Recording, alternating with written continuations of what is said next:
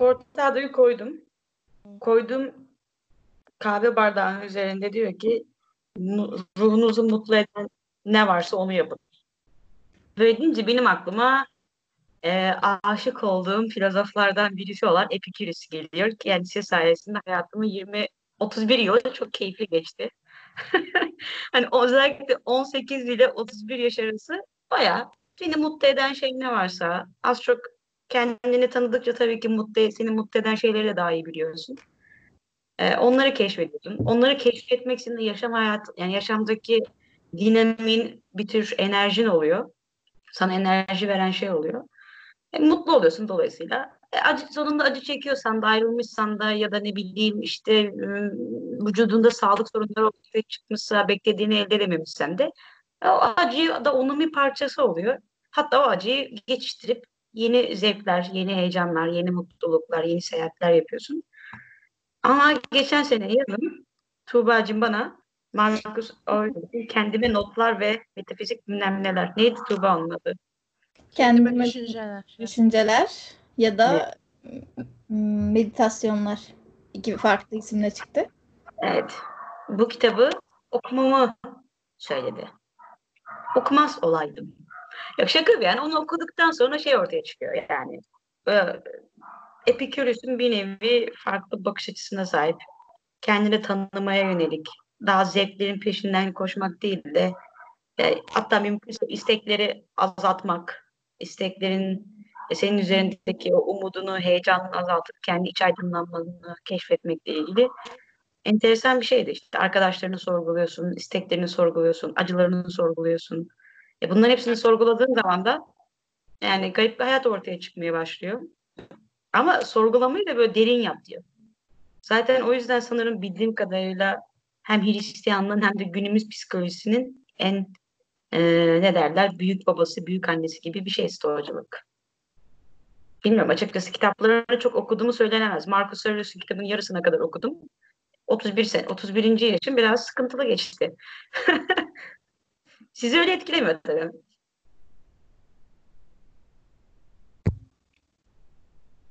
Senin Epiktetus falan nasıldı? Ben Epiktetus'un ee, iyi nasıldı? İçsel huzur iyi iyi yaşamın kapısını açar diye işte e, bir kitabını okudum. E, daha önce bir karıştırmıştım. Orijinal ismi e, Guide of Life gibi bir şey yani hayat rehberi. Bana Çok şey hissettirdi. Evet evet. E, her konuda bir şekilde işte şey söylüyor. İnsanların ne söylediğini çok umursamayın. Hayatta ne istediğinizi sorgulayın. Eğer günlük tutuyorsanız hatta ben ya ben bilgi bir insan olacağım diyorsanız okey. Ama düz bir insan da olabilirsiniz. Sadece ne istediğinizin biraz farkında olun diyor. Ve e, şu an yayınlansa muhtemelen e, bilişsel davranışçı terapi diyorlar galiba. E, o tarz çünkü tavsiyeleri var. Ve işte şey diyor insanlar sizi üzemez normalde. Sizin e, davran e, onların davranışlarına verdiğiniz tepki ve e, kafanızda size hissettirdiği duygular aslında sizi üzer. Yani bu da zaten birçok e, psikolojik şu anda terapinin temelini oluşturuyor bildiğim kadarıyla çok çok da aşırı psikoloji ya da felsefe eğitimim yok. E, Epiktetos'u okumamın nedeni de ben de yine Marcus Aurelius'un Kendime Düşünceler kitabında adını görüp almıştım. ee, ve kitabı da zaten kendi yazmamış, öğrenci de yazmış. Sadece benim orada ilginç olarak dikkatimi çeken şuydu. Pek e, kadınlar çok hoş karşılanmıyor bu tarz e, hani felsefi kitaplarında pek kadın adı görmedim. En azından e, şu ana kadar okuduklarımın içerisinde. Burada mesela kadınlara yönelik birkaç tavsiyesi de var. Sadece işte dış görünüşünüze değer vermeyin. Hani içinize de önem verin gibisinden. Çok küçük tabii kitabın belki 2-3 sayfasında ama yine de bence değerli bir şeydi. Evet, genelde antik Yunan'da şey yok. Yani kadınla ilgili büyük bir sıkıntı var. Ya benim mesela e, Stoacıların en ilgimi çeken özelliği sürekli kötüyü düşünüyorlar. Yani işte daha kötüsü de var. Hani sana şey demiştim. Sana bir tane iki sözlükten ekran alıntısı atmıştım ya. Dur şimdi aklımda yok. Senin şey diyordu. Bir stoacı ile epikürüsçü sen işte aşk acısı çekiyorsun. Dur bakayım şuradan bakmaya çabalıyorum. Aşk acısı çekiyorsun. e, sana e, tavsiye vermeye çabalıyorlar falan filan. E, şey diyor ki diyor, Stoacı diyor ki bu senin için bir hayat deneyimi. Bundan dersler çıkartıp işte geleceğine bakmalısın falan. Epikürüsçü diyor ki oğlum sana kız mı yok falan. Yani biraz böyle İkincisi hayatta senin daha çok hoşuna giden, duymak istediğin. Oğlum zaten zaten seni hak etmiyordu o. Sana kız mı yok? Hadi akşam gel çıkalım, eğlenelim, işte yeni şeyler bulalım falan diye adamken. Stoacı böyle e zaten ilişkide de bazı hatalar tabii ki olmuştu. Bundan ders çıkarmalıyız. Bir sonraki ilişkimizde işte bu hataları yapmamalıyız. Belki kendi iç özgüvenle ilgili sorunlarımız, kendi işte travmalarımız bundan bilmem ne. Ya böyle şey gibi oluyor. Yani e, sürekli olaya e, bir psikolog gibi bakmaya çalıştığı için olayın heyecanı kaçıyor. Sürekli spoiler, sürekli film analizi, yani Matrix analiz etmekten o bilim kurgunun içerisine giremiyoruz gibi bir durum var. Ben biraz Epikürüs'ün şeyini yapacağım. Savunun eğer karşı düşünceniz varsa lütfen e, rahmetli Marcus Aurelius ve Seneca'nın hakkını savunun. Rahmetli öldüler. E, kendi haklarını savunamıyorlar şu an. Yani ben Stoa'dan yana daha yakın olduğumu söyleyebilirim. E, bundan önce açıkçası e, Sibel bilir. E, ben onun e, Epikürüsçülüğünün tam tersine e, Schopenhauer destekçisiydim. Tam bir işte hayat mutlu bir hayatın e, özü aslında mutluluk peşinde koşmak değil, acıdan kaçınmaktır. Ne kadar acısı az bir hayat yaşarsak o kadar mutlu bir hayat yaşamışızdır gözüyle bakıyordum. E, hala da severim kendisini. Orada bir şeyim yok. Ee, Buradan ama bir selam göndereyim gibi oldu. He? Buradan bir selam gönderelim Schopenhauer'a evet, Buradan Schopenhauer'a selamlar olsun. Ee, ama bir yerde yetmediğini fark ettim. Sadece e, acıdan kaçtığında ya da mutsuzluktan kaçtığında, uzak durmaya çalıştığında da bir şeyler yetmiyor. Çünkü onlar bir şekilde seni buluyor yine. Yine onlarla muhatap olmak zorunda kalıyorsun. Bence stoacılığın bakış açısı e, Sibel'in dediği gibi e, acıya odaklanmak ya da acıya acıdan kaçınmak gibi e, yerine e, ne e, hazza, zevke, ne ne hazın zevkin peşinden koşmak ne de acıdan kaçmak. Yani bunun ikisi de hayatın bir parçası. Hani olacaklar zaten. Ne birinden peşinden koş, senin karakterini, hayatını, kararlarını, e, zevkin peşinden koşmak belirlesin. Ne de e, bir şeylerden korkup kaçtığın için e, kendi değerlerinden vazgeç. E, stoacılığın en temel, hani benim hayata bakışımı en çok etkileyen kısmı kendi doğanı yaşa. Hani acı da olabilir, zevk de verebilir ama senin doğan neyse ki onu e, en güzel tarafı sana net bir şekilde şudur da demiyor. Senin doğan neyse, herkesin doğası aslında kendisine özgü senin o doğanı keşfetmen, senin içindeki yetenekleri, işte e, eğilimleri, değerlerini, o e, yönetici e, yönetici ilke dediği kendi ilkelerini belirlemen, ondan sonra onlara uygun yaşaman. Sen kendi değerlerine uygun yaşamazsan hani her türlü hazza kavuşsan bile mutlu olmazsın diyor. Ya doğru biraz ama şöyle bir kısmı da var. Yani bir erdem o daha var tabii ki yani burada. Bir erdemli bir insan olmaya çabalıyorsun. Kendi değerlerini anlamaya çabalıyorsun. Bana da biraz şey gibi geliyor. Yani kullanım kılavuzunu yarat, ondan sonra kullanım kılavuzuna göre makineyi çalıştır gibi. Ya ben makineyi kurcalamayı seviyorum. Bozmayı seviyorum. Tekrar yapmayı seviyorum. Hatta yapmayı seviyorum. Acı, bazen acı çekmeyi seviyorum. Yani kebapta her zaman e, Urfa yenilmez yani. Adana kebabının acısı ağızda yani girerken de çıkarken ki acısı zaten onun varlığı. Hani ondan kaçınmak ya da ondan uzak kalmak ziyade o lezzetin tadına varmak hoşuma gidiyor. O yüzden böyle şey gibi geliyor. Yani yaptığımız önce kendi içimizde bir değerler bütünü belirleyelim ya da ideal bir erdem olsun. O erdeme ulaşmaya çabalayalım ya da kendi içimizdeki karakterimizi bulmaya çabalayalım olayı biraz aşırı şey gibi geliyor. Herkesin gerçekten kendine özgü bir karakteri var mı yani? Buna inanıyor musunuz? Herkes çok parmak izi gibi e, karakter özgü mü? Yoksa ben aslında herkesi benzer şeylerle mutlu edebilir miyim? Yani mesela yemek herkesi mutlu eder mi? Seks herkesi mutlu eder mi? Ee, insan doğası aslında düşündüğümüz gibi o kadar komplike bir şey olmayabilir. Basit de olabilir. Epikürüs'ün sevgili e, Epikürüs'ün söylediği şey de yani insan doğasının temel ihtiyacı ilk başta o Maslow'daki gibi yemek yemek, güzel bir yerde yaşamak hani e, sıcak, e, soğuk neyse yani rahatsız olmayacağı bir evde yaşamak. işte sevişmek ve arkadaşlarıyla birlikte mutlu bir sosyalleşme ortamı yapmak. Yani hayvan olmak temelinde aslında oluyor. Onun dışında biraz böyle şey gibi geliyor bana. Hani belki konuşmuşuzdur da insan beyni şeyi seviyor, ödülleri seviyor.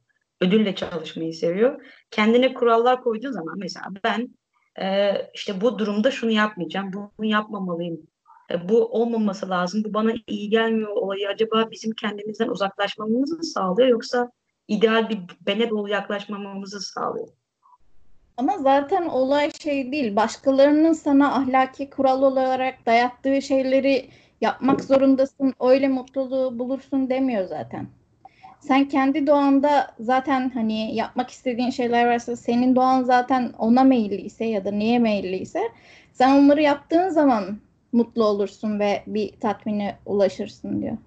Öyle hani, de doğan çeşitli mi yani? Onu demeye çabalıyorum. Yani insan 3 ayrılsın, 5 ayrılsın ama yani 8 milyar ayrılmadığımızı düşünüyorum. Ama şöyle zaten e, erdemi bulmak niye zaten bu kadar zor? Çünkü herkesin kendinin keşfetmesi gereken bir yolculuk. Hani e, kendini bil dedikleri şey o kadar kolay değil. O yüzden insanlar bu kadar onun peşine düşüyor. E, zaten onu bulamadığımız için daha önce konuştuğumuz hani gruplar meselesinde vesaire sana hazır biçilmiş karakterlerden birini seçmek çok daha kolay olduğu için gidiyorsun. O gruplardan birine katılıyorsun. İşte kendinin kim olduğunu keşfetmen gerekmiyor ama bir grupla tanımlıyorsun. Ee, işte onların değerlerini benimsiyorsun. Hani e, çok daha kolay tabii bunu yapmak. Ya erdemi bulmak şart mı? Erdemsiz yani erdemi bulmadan, erdem arayışında olmadan bir yaşam erdemsiz mi olur bu durumda? Zaten bulmak diye bir şey yok. Zaten bulmak diye bir şey yok. Bulmuyorsun ama e, hani sen kendi ilkelerin çerçevesinde hareket ettiysen aslında biraz erdemli oluyorsun gibi. Hani erdem biraz şey gibi fazla idealist bir yaklaşım. Hani stoacılıkta da aslında biraz değişiyor zamanla. İlk başta çok daha fazla böyle erdem odaklı işte çok katı kuralları var. Sonra yavaş yavaş işte ilk döneminden en son o imparatorların olduğu döneme doğru giderken biraz daha aslında hem kuralları gevşiyor. O e, erdem ahlak e, şeyinden e, baskısından biraz daha gevşiyor. Biraz daha gerçekçileşiyor aslında. Hani en etkilileri olanlara baktığında bile onlar bile gerçekten hayatlarında o kadar e, söyledikleri kadar erdemli de yaşıyorlar mı tartışılır. Ama şöyle bir şey var. E, mesela Seneca'nın döneminde en hani o imparatorluk döneminde en katı konuşanlardan biri Seneca. E, ama Seneca'nın hayatına baktığında da adam o kadar kötü bir dönemde yaşıyor ki adam Caligula'yla işte Neron'la falan aynı dönemde yaşamış. Hatta Neron'un hoca, hocası diye biliyorum. Evet Neron'un da hocası. Adamı sürekli e, sürgün etmişler yani ömrü sürgünde geçmiş ve e, sürekli sarayın işte o imparatorluğun e, entrikalarından mağdur olmuş. E, böyle bir dönemde biraz daha aslında demek ki sert konuşmak, net konuşmak, katı konuşmak gerekiyor. Bir de o hep birilerine konuşuyor. İşte onun kitapları okuduğunda ya işte annesine mektup yazıyor ya birine hani bir şey söylüyor. Hani dışarıya konuşması çok daha hani katı kurallar içeriyor. Ama mesela Marcus Aurelius'un e, meditasyonlarını okuduğunda oradaki dil çok daha şey sorgulayıcı. Kendini sorguluyor çünkü. O kadar katı da değil. Hani niye böyle yapmıyorsun? Böyle yapmaya çalış diyor. Çünkü biliyor içinden zaten hani o kadar iyi olmadığını. Şimdi ben çok şey e, textbook bilgisi sormak da istemiyorum ama e, hazır bilgili insanları bulmuşken de sorayım. Stoacılığı kuran kim? Kıbrıslı Zenon. Yani ilklerinden biri. Galiba daha önce hocaları falan da var ama en meşhur öncüsü Kıbr- Kıbrıslı Zenon diye biliyorum.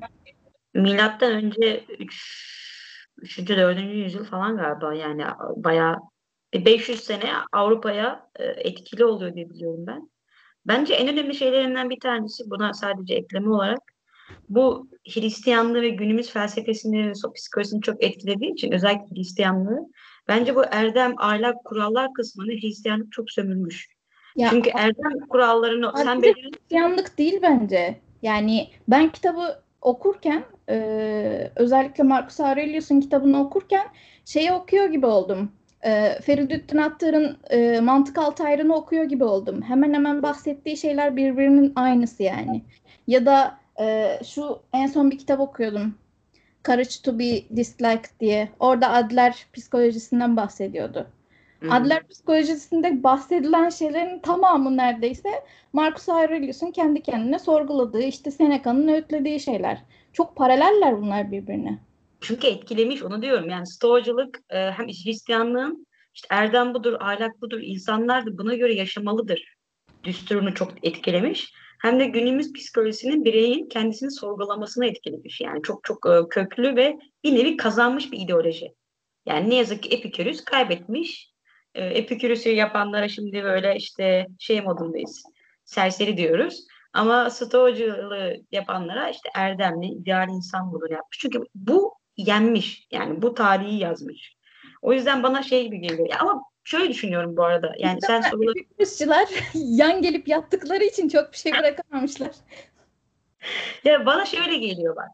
Şimdi e, stoacılar düzeni ve kuralları biraz daha sevdikleri için aslında yaşamın düzenli ve kurallara göre yaşamasını sevdikleri için öyle simetri hastası olan bir insanın ya da hayatı çok düzenli, dakik yaşayan bir insan var değil mi? Diyor ki 7'de kalkacaksın, 8'de şunu yapacaksın, 8-15'te bunu yapacaksın. Ya bu insan tabii ki başarılı olur. Niye? Çünkü zamanı daha fazla kullanıyor, daha verimli kullanıyor ve bundan dolayı mutlu. Bana şu gibi geliyor. Bu adam sırf bunda başarılı ve bundan dolayı mutlu olduğu için sanki herkes bunu yapmak zorundaymış gibi.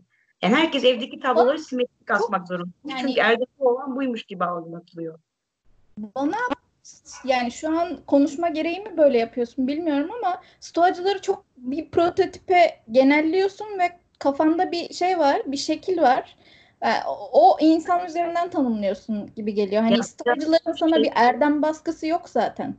Hani Yani Ya ben da- Epikürüsçilerin şu an e, Epikürüsçilerin sponsorluğunu yapıyorum. Şeytanın avukatlığını yapıyorum. Kısa stoacılardan öğrendiğin şeyler seni mutlu etmediği için e, hayatında bazı etkili değişikliklere sebep olduğu için onlardan rahatsızsın şu an. Geri dönmek, geçmiş güzel günlere dönmek istiyorsun. Peki o zaman ben sana sorayım ilk kez bir konuşmada.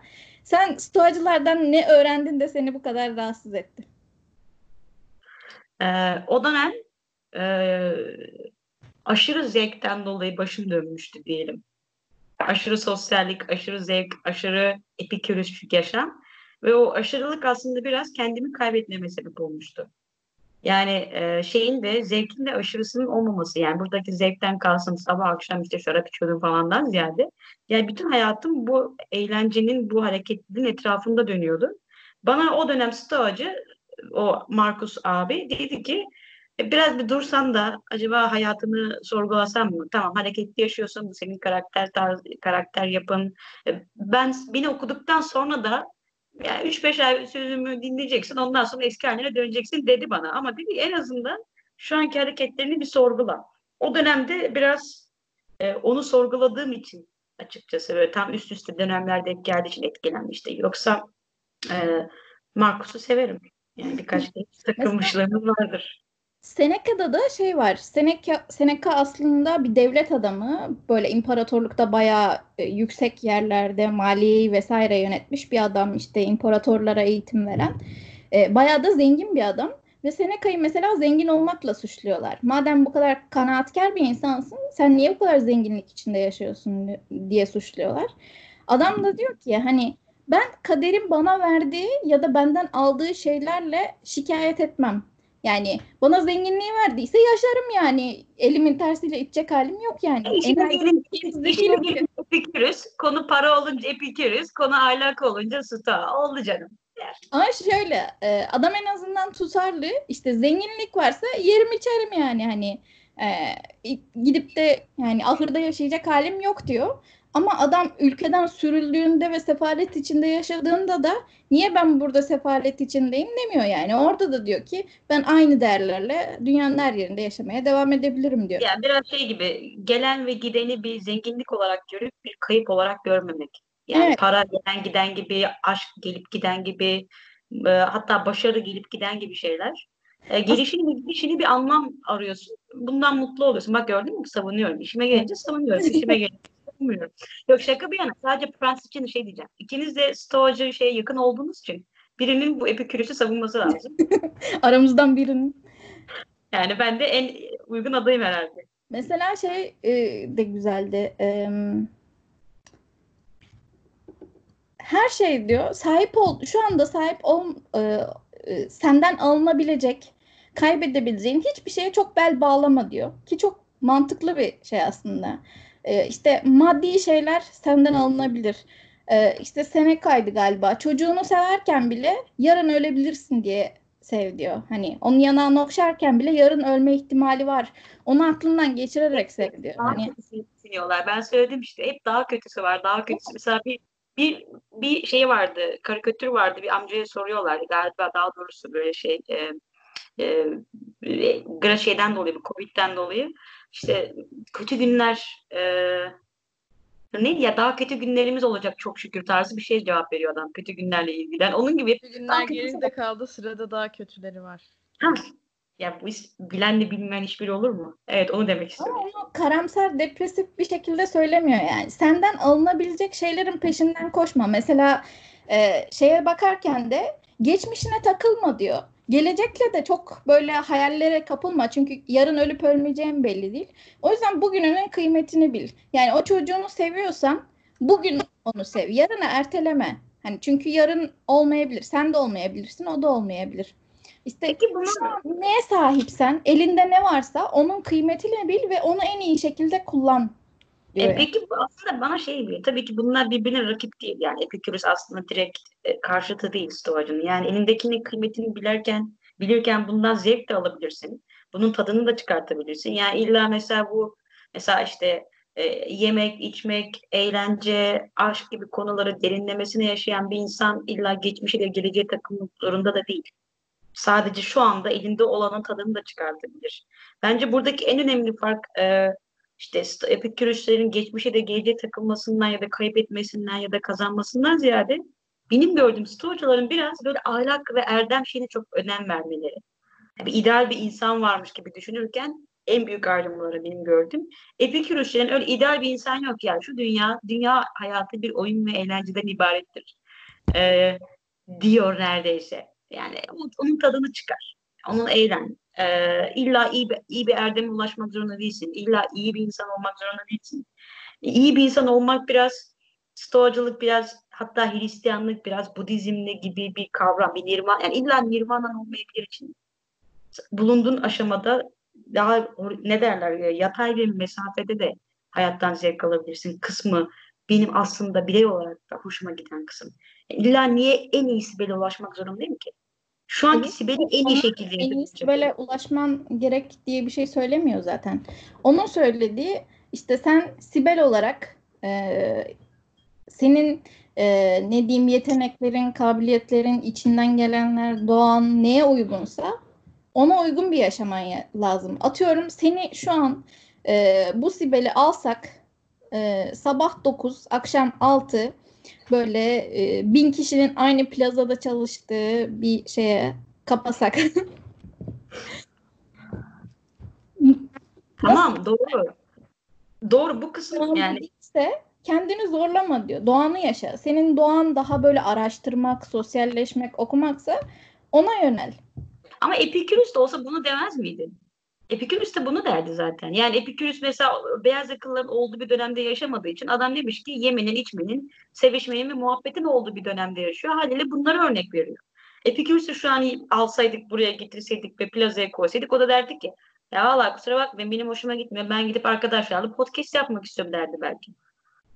Onu yaparken de kortağı da içmek istiyorum derdi. Bu hem stoacı olurdu o zaman hem epikürüsçü olurdu gibi bir mantık var kafamda şu an. Bana Epikürüs biraz daha şey geliyor. Hani podcast'i de boş ver ya. Gel akşam içelim, eğlenelim. Hayır, podcast şey yapmak istiyor. Podcast yapmak istiyor ki en önemli şeylerinden bir yani Epikürüs kendilerine okul kurdular. Arkadaşlarıyla beraber entelektüel muhabbet yaptıkları. İstemez misiniz yani size ve desem ki Barcelona'da bir arsa aldım arkadaşlar. E, çalışmanıza gerek yok. Tek yapmanız gereken burada beraber işte şarap e, beş şey yapacağız, yetiştireceğiz. E, ne bileyim zeytin yapacağız, tavuklarımız olacak bilmem ne. Aynı zamanda doğa içerisinde muhabbet edeceğiz. İşte akşam içeceğiz. İyi insanlar gelecek, dans edeceğiz falan yani. Şimdi kusura bakma eğer böyle bir imkanı versek kapıda sıra olur. Herkes ben Epikürüs, ben Epikürüs'ün işte listesine girmek O istiyorum. Seneca'da gelir ama. O Seneca'da gelirdi. Marcus da işsizliğe övgü diye bir şey kitabını okumuştum çok ince bir kitap. Orada da e, baya baya diyor ki yani hani imkanınız varsa arkadaş çalışmayın. E, herhalde. Onlar, yani. bunlar şeyde çalış, doğru düzgün İlk çalış. Seneca gelir. Bir şu köle olan vardı. İsmini hatırlayamıyorum. Köle olan mıydı Epiktetus yoksa? Epiktetos. Değil mi? O köle olan. Bir gariban o yani. Onun yazdıklarına inanıyorum. Ben gariban çünkü çalışmıştım. O da Geri zaten kalan- hayatın şeyini yazmış, rehberini yazmış. Ama mesela içlerinde en katı olan da neredeyse o biliyor musun? Ahlak konusunda, ahlak ve erdem konusunda. Mesela a- Marcus Aurelius hiç katı değil zaten. Hatta bir yerde se- e, senin şeye de yaklaşıyor yani. İçinizden doğanızdan gelen dürtüler varsa onu da bastırmayın diyor yani. Ama mesela Epiktetos'un yazdıkları çok daha fazla erdemli yaşam, erdemli yaşama yönelmek zorundasın şeyle. Çok Biraz daha bana şey geliyor. Yani büyük bir çıkarım olacak ama e, biraz daha bir şeylerin eksikliğini hissetmiş bir adam değil mi? Nihayetinde uzun süre köle olarak yaşamış. Bu eksikliğin karşılığında kendini iyi hissedeceği büyük anlam arayışları oluyor. Mesela şeyde de vardır ya Türkiye'de ya da dünyada e, din ya da ideolojik bağlılıkla ekonomik e, gelir arasında bir ters orantı vardır. İnsan fakirleştikçe daha dinsel, yani dini şeylere eğilimi artar çünkü kendini anlamlı hissettirir. Şimdi mesela sen düşünsene köle bir kökenden geliyorsun. Tabii ki yaşamının anlamlı olması için ideal bir ahlak yapısı yapacaksın ve kendini orada e, onun hizmetçisi olarak algılayacaksın. Çok az insan bence e, mesela Marcus Aurelius'ta ta- Marcus'a tam tersten geliyor. Zengin desen, zenginlik desen var. Adam Yemek Roma imparatoru ya. ya daha ötesi var mı? hayatlarına baktığınızda e, işte dışarıdan göründüğü gibi olmayabilir bazı şeylerde. Mesela Epiktetos köle diyorsun. Sana şey gibi geliyor değil mi? Böyle yokluk içinde hani a- hani çok kötü şartlarda yaşamış gibi ben ilk hayal etmiştim mesela köle olduğunu duyduğumda. Ama hayatını okudum bayağı bir çok üst düzey yönetici bir devlet adamının kölesiymiş. Ama hani şey gibi asistanı gibi yani sürekli ömrü sarayda vesaire geçmiş. Ve o döneminin en büyük devlet adamlarından ve filozoflarından ders almış. O yüzden Ha. zaten e, sahibi öldüğünde özgür kalıyor ve kendi felsefe okulunu kuruyor. Demek ki o kadar da parası var. Yani şey de değil. Hani e, ahırda da yaşamıyor bu adam. Senden benden daha iyi eğitim almış bir köleden bahsediyoruz burada. Ve tam tersine e, Marcus Aurelius da imparator. Hani zevk sefa içinde yaşamış gibi geliyor. Ama adamın ömrünün çoğu seferde savaşta geçiyor. Bir de yazık çok garip de oğlu var. Evet Yani bir de yani- Netflix'te Roman Empire diye bir tane dizi var. Aynı hani fetih e, yaptılar ya İstanbul'un fethi. Böyle hem yarı e, böyle hikaye kurgusal yarı böyle tarihçiler çıkıp anlatıyor. Bildiğim kadarıyla Marcus Aurelius'la ve o Commodus muydu? Hayırsız onu. Onunla başlıyor. Hayırsız. Şey diyorsun illallah getiriyorsun. Çocuğunu yetiştirememiş. Sürekli savaşta olunca çocuğa kim baktı kimi bilir. Peki Stoa ne kadar daha devam ediyor Stoacılık? Hala devam ediyor. Bak Tuğba'ya savunuyorsun orada. Stoacılık gibi değil aslında. Ne evrildi ya da hani? Yani bilmiyorum. Ee, ben etkilerini en azından okuduğum başka kitaplarda görebiliyorum. O e, Adler psikolojisinde mesela temel olarak şeyden bahsediyordu. Ee, işte Freud yaklaşımı hep geçmişe odaklanıyor. Başıma şunlar şunlar geldiği için ben böyle bir insanım. Bu, bundan sonra değişemem gibi bakıyor diyor. Ee, Adler psikolojisi diyor ki geçmişe değil şey ileriye bakmamız lazım. Yani ben ileride böyle bir insan olmak istiyorum. O yüzden böyle böyle hani kararlar alıyorum. Bizim kararlarımızı geçmişimiz değil geleceğimiz belirler diyor. Aslında ve e, asıl odaklanmamız gereken şey de bugündür. Şu an sahip olduklarımızdır. Hani kendi potansiyelinin farkında ol, elindekilerin farkında ol ve onu en iyi şekilde toplumun faydasına olacak şekilde kullan. E, mutluluğun kaynağı topluluğa faydalı olmaktır. Başkalarına faydalı olmaktır diyor Adler psikolojisi.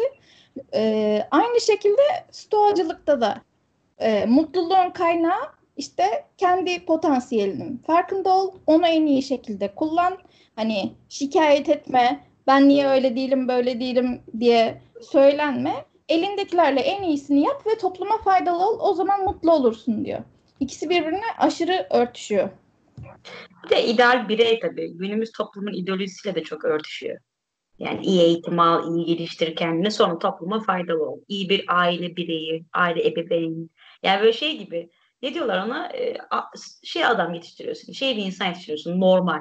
Her şeye uyan, faydalı.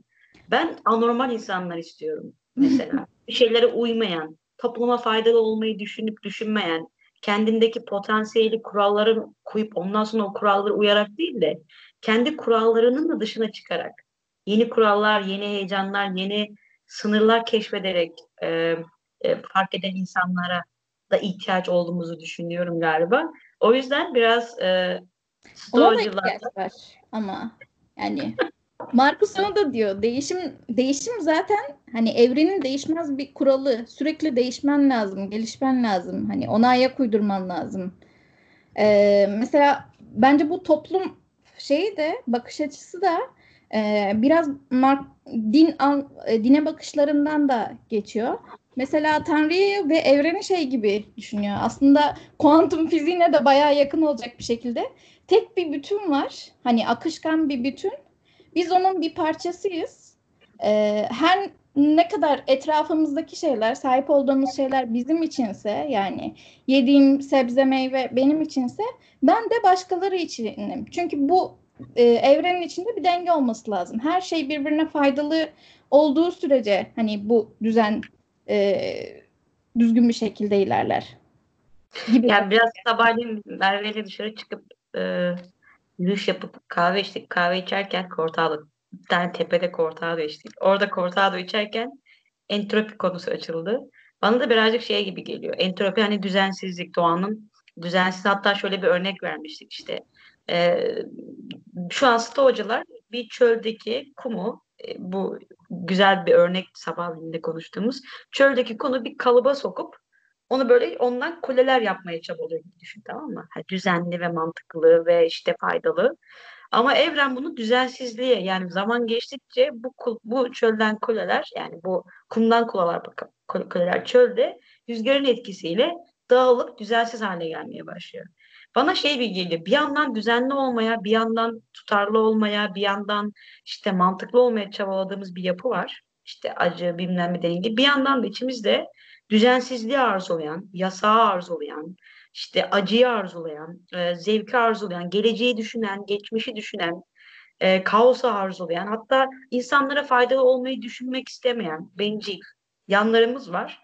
Bu da biraz bir nevi şey gibi geliyor bana. Entrop yani e, bu hikayede Epikürüs entropiyi temsil ediyor arkadaşlar.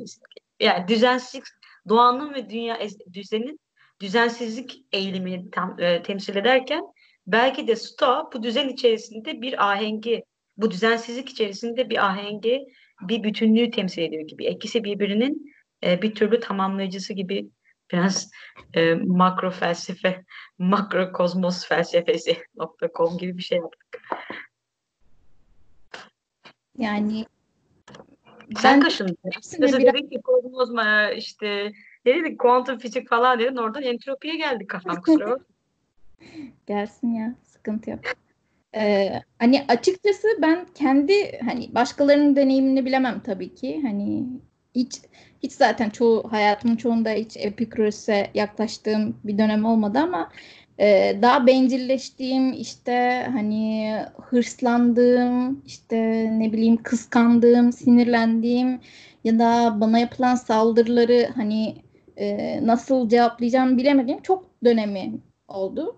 E, ve Epikürüs'e aslında belki de ne kadar yaklaşırsam işte o bencil tarafıma, kendi arzularım tarafıma ne kadar meyledersem aslında çok daha yanlış kararlar verdiğimi kendi adıma gördüm. Hani başkalarının hayatını bilemem. Söz hakkı doğuyor Epikürüs'e. Gelsin mezardan konuşsun. ya şimdi bu neye benziyor bence? Ee, Diyemem yani. Bu benim hayatım. Benim Sürekli yaşadığım ateşini sobaya, sobaya kömür yakarsın yavaş yavaş yanar uzun süre yakar ama aslında o anda ısındığını hissetmezsin. Stoğacılar biraz böyle yavaş yavaş yanıyor. Bir ateş yok bir şey yok. Yavaş içinden böyle dingin bir ruh hali varmış gibi. Çok fazla marjinal sınırlara gitmiyor. E, Epikürüs burada o sobayı ateşleyen o çıtı şeyler var ya hani kuru dallar, e, gazete parçaları falan harlıyor yani sobayı böyle fıf fıf fıf o çıkan ses vardır ya. Yani o olmadan o anlamsız gibi. Yani bence Epikürüs döneminin ara ara stoacılıkta beslenmesi güzel bir şey. Yani kendimi savunmak için demiyorum ama e, yani yaptığın tutkuları, heyecanları, sınırları analiz etmek için ara ara durup böyle bir e, bir tür sorgulama, içsel sorgulamaya girmek e, güzel bir şey ama e, biraz şey de gerekiyormuş gibi geliyor. Yani o sen dedin ya kendimi yanlış kararlar verdiğimi düşündüm. Belki evet senin karakterine göre yanlış kararlar olabilir. Ee, ama başka karakterlere göre o kararlar doğru olabilir. Atıyorum bir aşk acısını 10 Olay sene ya. bir aşk acısını 10 sene çekmek senin için çok aptalca olabilir mesela. Ee, benim için ise hayata anlam katan şeylerden bir tanesi olabilir. Oradan çok beslenmiş olabilirim. Belki sen onu sen kendi doğana uygun yaşamış oluyorsun işte. zaten. Evet işte yine sen kendi doğana yaşadığın için mutlu olmuş oluyorsun. Çünkü bak bir şey söyleyeceğim. Buradaki espri şu oluyor gibi. Yani mesela belki sen o aşk acısını yaşarken diyelim 10 sene boyunca işlevsiz olabilirdin. Hayatını devam ettiremeyebilirdin. Aynı yoğunlukta yaşasan böyle işte depresyona girebilirdin. Ama eğer o aşk acısı seni daha üretken hale getiriyorsa, seni daha hani dinamik hale getiriyorsa, hayata bambaşka açılardan bakmana sebep oluyorsa belki o acı bizzat kendisi anlamlı hale geliyor. Tam böyle patolojik hale gelmesinden bahsetmiyorum ama e, o, da olmuş olabilir yani çeşitli insanlarda. Bir arkadaşım da vardı yani ama Ee, olay yine senin doğan. Senin doğan daha tutkulu işte o yaşadığın heyecanı seviyorsan oradan e, hissettiğin duygularla ürettiğin ürünlerden hani e, zevk alıyorsun. O seni daha e, sen üretken bir insansın ve seni üretken olmaya iten aslında bir duygu ve seni bu yüzden mutlu ediyor. Aslında sen yine kendi doğanı yaşadığın için mutlu oluyorsun. Ama başka birinin doğası farklı olabilir. Ben de benim yaptığım hata başkalarının doğasında gördüğüm ve toplumun yaygın olarak e, değer verdiği şeyleri kendi doğammış gibi kabullendiğimde yani aslında toplumun doğru saydığı şeyi kendi doğrum saydığımda mesela Aslında ben benim umutlaştırsana. Mesela somutlaştırayım. Mesela e, hatırlarsın 30 yaşıma geldiğimde be- ben şeye takmıştım. Ben niye e, işte terfi etmiyorum? Benim niye title'ım yok? İşte ben niye onlar kadar para kazanmıyorum? Kendimi sürekli başka insanlarla kıyaslamaya, işte kariyerimi sorgulamaya, hani ben yanlış mı karar aldım? Sürekli bunlara takılmıştım ve e, bunun neticesinde de işte title elde edeceğim, para elde edeceğim. Hani başkalarının doğru yaptığımı düşünceyi bir hareketle e, davranmıştım ve sonunda hayatımın en mutsuz dönemini yaşadım neredeyse. Hı hı. Hani başkasının doğrusu benim doğama uygun değilse mutsuz oluyorum. Ya da e, aşırı mantık da hayatımın bir döneminde aşırı mantıklı yaşamaya karar vermiştim. Ama me- meğersem ben o kadar aşırı mantıklı bir insan değilmişim. İçgüdüleriyle davrandığında daha mutlu olan bir insanmışım. O hatayı yaptığımda da bunu öğrenmiştim. Demek ki ben biraz daha duygularıyla da karar veren bir insan olmam lazım gibi. Ve işte zor olan kısmı hani senin doğrun bambaşka. Ben sana neyin senin için doğru olacağını hiçbir zaman söyleyemem. Sadece kendi deneyimlerimi paylaşabilirim. Ya da Merve'nin doğrusu hepimizinkinden farklı olabilir. Hepimizin kendi doğrusunu keşfetmesi gerekiyor. O kısımda zor olduğu için daha kolay yola Bir şey sapıyoruz. soracağım. Bir şey soracağım. Hı. Şimdi peki bunun için kendi doğrunu keşfetmek için illa yaşam koçuna, illa, illa yoga hocasına, illa psikoloğa ihtiyacımız var mı? Benim de takıldığım kısım bu. Buna para vermemiz gerekiyor mu yani? Bu bu hep oldu mu arkadaş? Herkes ya bu iyi bir endüstri mi? Biz buradan mı yürümeliyiz acaba? Yani buradan para var mı yoksa insanlar bunu sömürüyor mu? Ne gözlemliyorsun? De Şöyle bir şey var. Ee, ben mesela liseden beri liseden beri psikoloji okuyorum, felsefe okuyorum ve hala çözemediğim bir sürü şey var. Ee, yanlış kararlar vererek, o kararların sonuçlarının acısını çekerek, hani yeniden yanlış karar vererek, deneyerek, yanılarak öğreniyorsun. Bu da çok uzun bir zamana ve e, bedele mal oluyor. Bazı insanlar da diyor ki ben niye bu kadar sorgulayacağım? Niye bu kadar üzerinde düşüneceğim? Niye bu kadar okuyacağım? Biri gelsin benden daha çok yaşamış ya da okumuş biri gelsin. Bana bir reçete versin doktor gibi. Şunu yap, bunu yap, şunu yap diye bana söylesin. Ben onları tık tık tık yapayım ve bir bazı adımları daha hızlı geçeyim diyor. Hı hı. Ee, ne kadar sağlıklı? Hani sizin şu şeyde konuşmuştunuz ya e, psikodeliklerde. Hani insanın çözümü kendi içinde önce bulması gerek. Dışarıdan alacağın bir yabancı madde e, sana belki geçici bir çözüm vaat edebilir ama uzun vadede seni ayakta tutamaz. Belki daha kötü hale getirir. Aslında reçeteler de biraz böyle. Senin o işte danışmandan, işte koçtan, şundan bundan alacağın desteği sen içselleştirirsen gerçekten ve sorgular, her şeyi sorgulaman lazım. Sorgular kendine uygun bulur, hayatında e, doğru bir yer edindirirsen sana faydalı olabilir elbette. Benim buradaki ev arkadaşım yazılımcı, bilgisayar uygulamaları yapıyor. En son yaptığı uygulama meditasyon koçu uygulaması. Böyle sana konuşuyor. Nefes aldın mı? Alabiliyorsun. Evet şimdi mutlusun falan. Korku filmi gibi ya çocuk içeride böyle sessiz çalışıyor işte. Uygulamaya şuna basıyorsun bu oluyor. Saat 8'de sana diyor ki bugün mutlu bir şey düşünsene kendinle ilgili. Bugün dört tane bilmem ne yaz falan. Sonra nefes egzersizleri kısmı var. Şimdi nefesini al. Tut. Tut. Tut. Ve bayağı bunun uygulamasını yapıyor. Hani sadece artık yaşam koçu bir tanesi e, çünkü bir tanesi insan nihayetinde kendisini klonlayamadığı için fikirlerini klonladığı zaman uygulamadan daha fazla para elde ediyorsun. Yani insandan telefon üzerinden yaşam koçu. Ekstra bir bilgi önümüzde muhtemelen böyle olacak. Ya Önümüzdeki insanlar yıl. çok bireysel yaşıyor tabii. Bunun da muhakkak etkisi vardır diye düşünüyorum. İnsanlar bu sözleri bir arkadaşından duyamıyor belki. Ee, gaz yani gaz verirsin ya böyle var arkadaşın morali bozuk olur gazı verirsin yani. O kişi ben oluyorum bu arada. ya da Sibel oluyor. Sana kız mı yok? Sana erkek mi yok diyen o. Tabii. Bardaki. O yüzden insanlar bu tarz meditasyon işte app'lerine falan ihtiyaç duyuyorlar diye düşünüyorum ama bu son belki 10 belki 20 yıldır inanılmaz büyük bir sektör. Ee, dediğim işte en başta dedim ya Epiktetos'un şu anda benim okuduğum kitabı şu an çok satanlara girerdi. İçinizdeki şeyi keşfedin gibisinden böyle. O şeyde Ee, e, Remzi miydi? Hangisiydi? Havalı olan kitap evi. Remzi'de olması lazım. Sürekli bir e, ilk onda. Öyle mi? Yıllardır ilk onda. Aa, ilginç. Zaten 10 kitap varmış o alanda falan. Şey ya ince ya. bir de çok şey vaat ediyor. Evet yani ben hep uzun zamandan beri şey inanıyorum. Yani yine Epikürüs'ü destekleyeceğim. Ee, arkadaşlık çok önemli. Yani sağlıklı, güzel arkadaşlıkların yani şeyde Markus da bunu söylüyor zaten ama Epikürüs birazcık daha e, farklı bakıyor. Bence iyi arkadaşlıklar, muhabbetler pek çok uygulamanın e, yani Merve'nin de dediği gibi pek çok uygulamanın yaşam koçunun psikoloğun yerini alabilir. Yani insanların ne yazık ki en büyük sorunu bence kendi anlam arayışından ziyade yalnızlığıymış gibi geliyor. Ve yalnızlığımızı daha da arttıracak bir döngünün içerisine sokuyoruz kendimizi. İşte e, Instagram'dan fotoğraf paylaşmalardan tut işte uygulamalardan spor şey uygulama üzerinden kilo vermeye çabalıyoruz. Yani çık yani dışarı yürü Allah Allah. Orada 30 tane sana şunu aşağı in 30 tane yukarı çık işte bugün ne yedin içtin.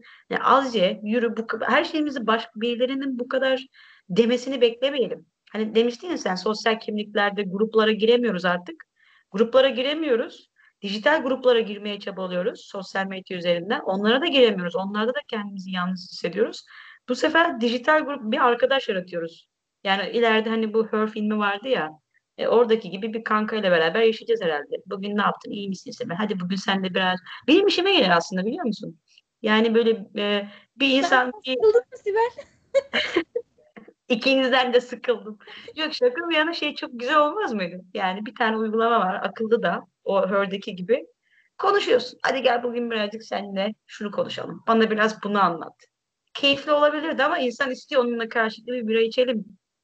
Beni biraz gazlasın. Sana kız mı yok, sana erkek mi yok desin barda. Senin o anki ihtiyacına göre gaz mı istiyor, acaba fikir mi istiyor yoksa gerçek düşünce mi istiyor? o da Aynen. değişken bir şey. Bir de şey derler kesin. Bugün hangi modda olmak istersin Sibel falan gibi soru sormayacak. Onu düşünecek. Herhalde torunlarımız o tarz arkadaşları olacaktır dijital. Sibel bugün biraz mutsuz gözüküyorsun demeyecek. Görecek onu. Senin WhatsApp'taki konuşmalarını analiz edecek. Instagram'daki paylaşımlarını analiz edecek falan. Diyecek ki bugün Sibel'in biraz morali bozuk. Ben bunu biraz gazlayayım. Muhtemelen sen de siz de öyle yapıyorsunuz bana.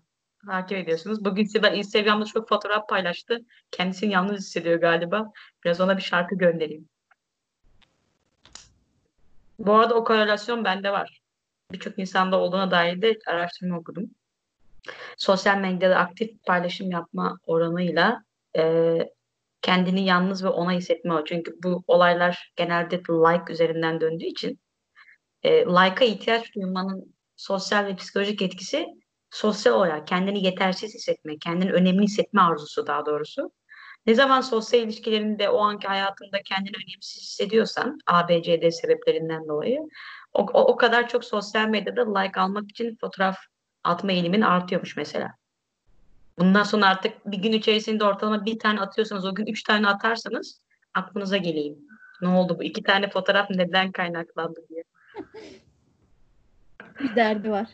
Bir derdi var. Yani kendinizin de aklınıza gelebilirsiniz. Peki. Güzel bir muhabbet oldu. Herhalde Marcos'un şeyin e, e, Epiküros'un hakkını yedirttirmedim diye düşünüyorum. Burada olsa de bunu Ee, çok yanlı baktın. Pozitif ayrımcılık yaptın gibi geliyor. yapayım artık. Yani o senelerimin Epiküros'u yapayım artık. Sayesinde az mı? e, sayesinde az mı? Yani Ekmeğini yedin iyi. Aslında ekmeğini yedim o felsefenin. Aslında ekmeğini yedim sonra o felsefeye dahil olduğunu anladım ben. Ben Epikürüs okuyup ondan sonra gaza gelip Aa, hadi bakalım şimdi hayatı yaşayalım demedim hiç. Açıkçası felsefeyle çok böyle dedim ya mesela Stoacılığı okumadım bile yani. Bir tane kitabını okudum. Okusaymışım belki bambaşka bir yaşamım olurmuş. Allah korumuş yani. Düşünsene Marcus Aurelius'u 21 yaşımda okuduğumu. Yani burada ikiniz de bunu yapmazdık. Herhalde bambaşka bir hayat şeyinde olurdu. Ben savundum Epikürüs'ü. Umarım mesaj yerine ulaşmıştır. Mezarında böyle ters dönmez. Markus'u yedirmeyiz. Marcus- Siz de Marcus'u yedirmediniz. Evet, Markus'un askerleriyiz. Bu arada ben şunu fark ettim. Seneca, Epictetus falan çok hoşunuza gitmiyor. Onlar biraz şeye gelmiş size. Seneca statükocu. Seneca çok katı. Epiktetos da hani nispeten daha katı yaklaşıyor. Ee, Marcus'un yaklaşımı biraz daha şey adam imparator ama kendi kendine şey diyor hani bunu niye böyle yaptım falan hani takılma bunlara. Gerçekten hani senin benim derdim neyse gündelik hayatta e, aynı şeyleri dert ediyor. Aynı şeyleri çözemiyor. O yüzden biraz daha samimi geliyor. Zuckerberg'in sürekli gri tişört giymesi gibi o da böyle parayı önemsemiyor.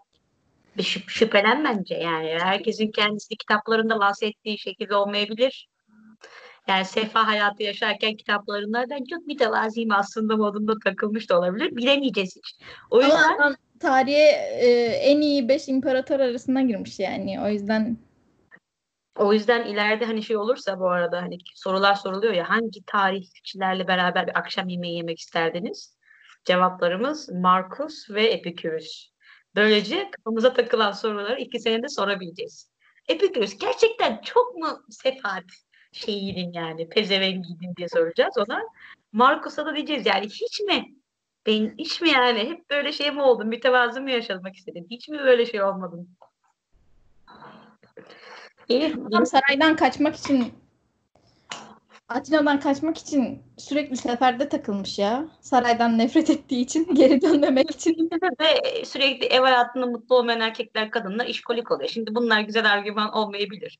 Yani akşam ya bugün çok çalıştım. Mesa- sürekli mesai yapan beyaz yakalı gibi Marcus Aurelius. Sürekli seferde hiç gelmiyor imparatorluğa. E, seferde de canı sıkılıyor. Adam depresyona girmiş ya. Yani ben onu şimdi açıkçası Atina'da, Roma'da takılsaydı böyle e, şeyler kendine notlar yazmazdı. Yerdi içerdi. Epikürüs olurdu. Adam sefere gitmiş. Bana mesela şey gibi geliyor. Epikürüs'ü sefere gönderseydik, Marcus Epikürüs'ü yerine alsaydık bambaşka iki felsefe çıkardı. Her şey kontekste göre değerlendir. Onlar imparatorlukta kalsaydı Caligula'ya dönerlerdi. Aa kız. oh şunu kestirdim, bunu astırdım, onu sürdürdüm. Neyse ya işte zengin olmak da zor. Neyse ki yine e, şeyin e, stoğacıların en çok sevinen şey, e, sevineceği şey çok fazla paramız yok. Geldiği zaman harcıyoruz. Gittiği zaman üzülmüyoruz. Biz yani iyiyiz yani açıkçası bu konuda. Ee, Marcus'un onu e, mutlu olacağı talebeleri olurduk diye düşünüyorum. Epikürüs kızardı ikinize ama. Onu söyleyeyim. Epikürüs sizden size zayıf verirdi. Neyse o konuda ben bir şeyler yapacağım artık elimden geldiğince. Senden destek bekliyoruz. Aynen. İyi bakalım. Ee, güzel bir muhabbet oldu. Var mı eklemek istediğiniz konular? Yok. Yani Belki olabilir daha bence. sonra. Ne olabilir? İkinci bir seans olabilir bence. Olur. İkinci seansta kimle kimi kapıştıracağız? E, Bence bu sefer konu odaklı. Atıyorum bir tane başlığı seçip onun üzerinden tartışabiliriz. Mesela ben şey söylüyorum. e, dostluk ve aşk, dostluk veya aşk slash güzel bir konu olabilir. Olabilir. Aşk yapalım ya. Bıktım dostluk dostluk. aşk istiyorum ben anladın mı? Aşk yapalım. Aşk konusu. Nedir yani? Aşk tarihte nasıl algılanılmış? Seneca ne diyor bu konuya? Marcus ne diyor? Epikürüs ne diyor? Bir enteresan olabilir aşk konusu. Schopenhauer ne diyor mesela? Schopenhauer ne diyor? Nietzsche ne diyor? Darwin ne diyor? Seneca. Seneca Marcus falan hiçbir şey demiyor. Ama Schopenhauer çok konuşmuştur. Schopenhauer çok ağır konuşuyor. Ama aşk konusunda Soren Kierkegaard'ı dinlemeyeceksin. Karamsar herif. Aa, Onu salla ya o insanı En depresif. son ne okumuştum? Aşk üzerine diye bir kitap okudum. Alain de Botton. Hmm.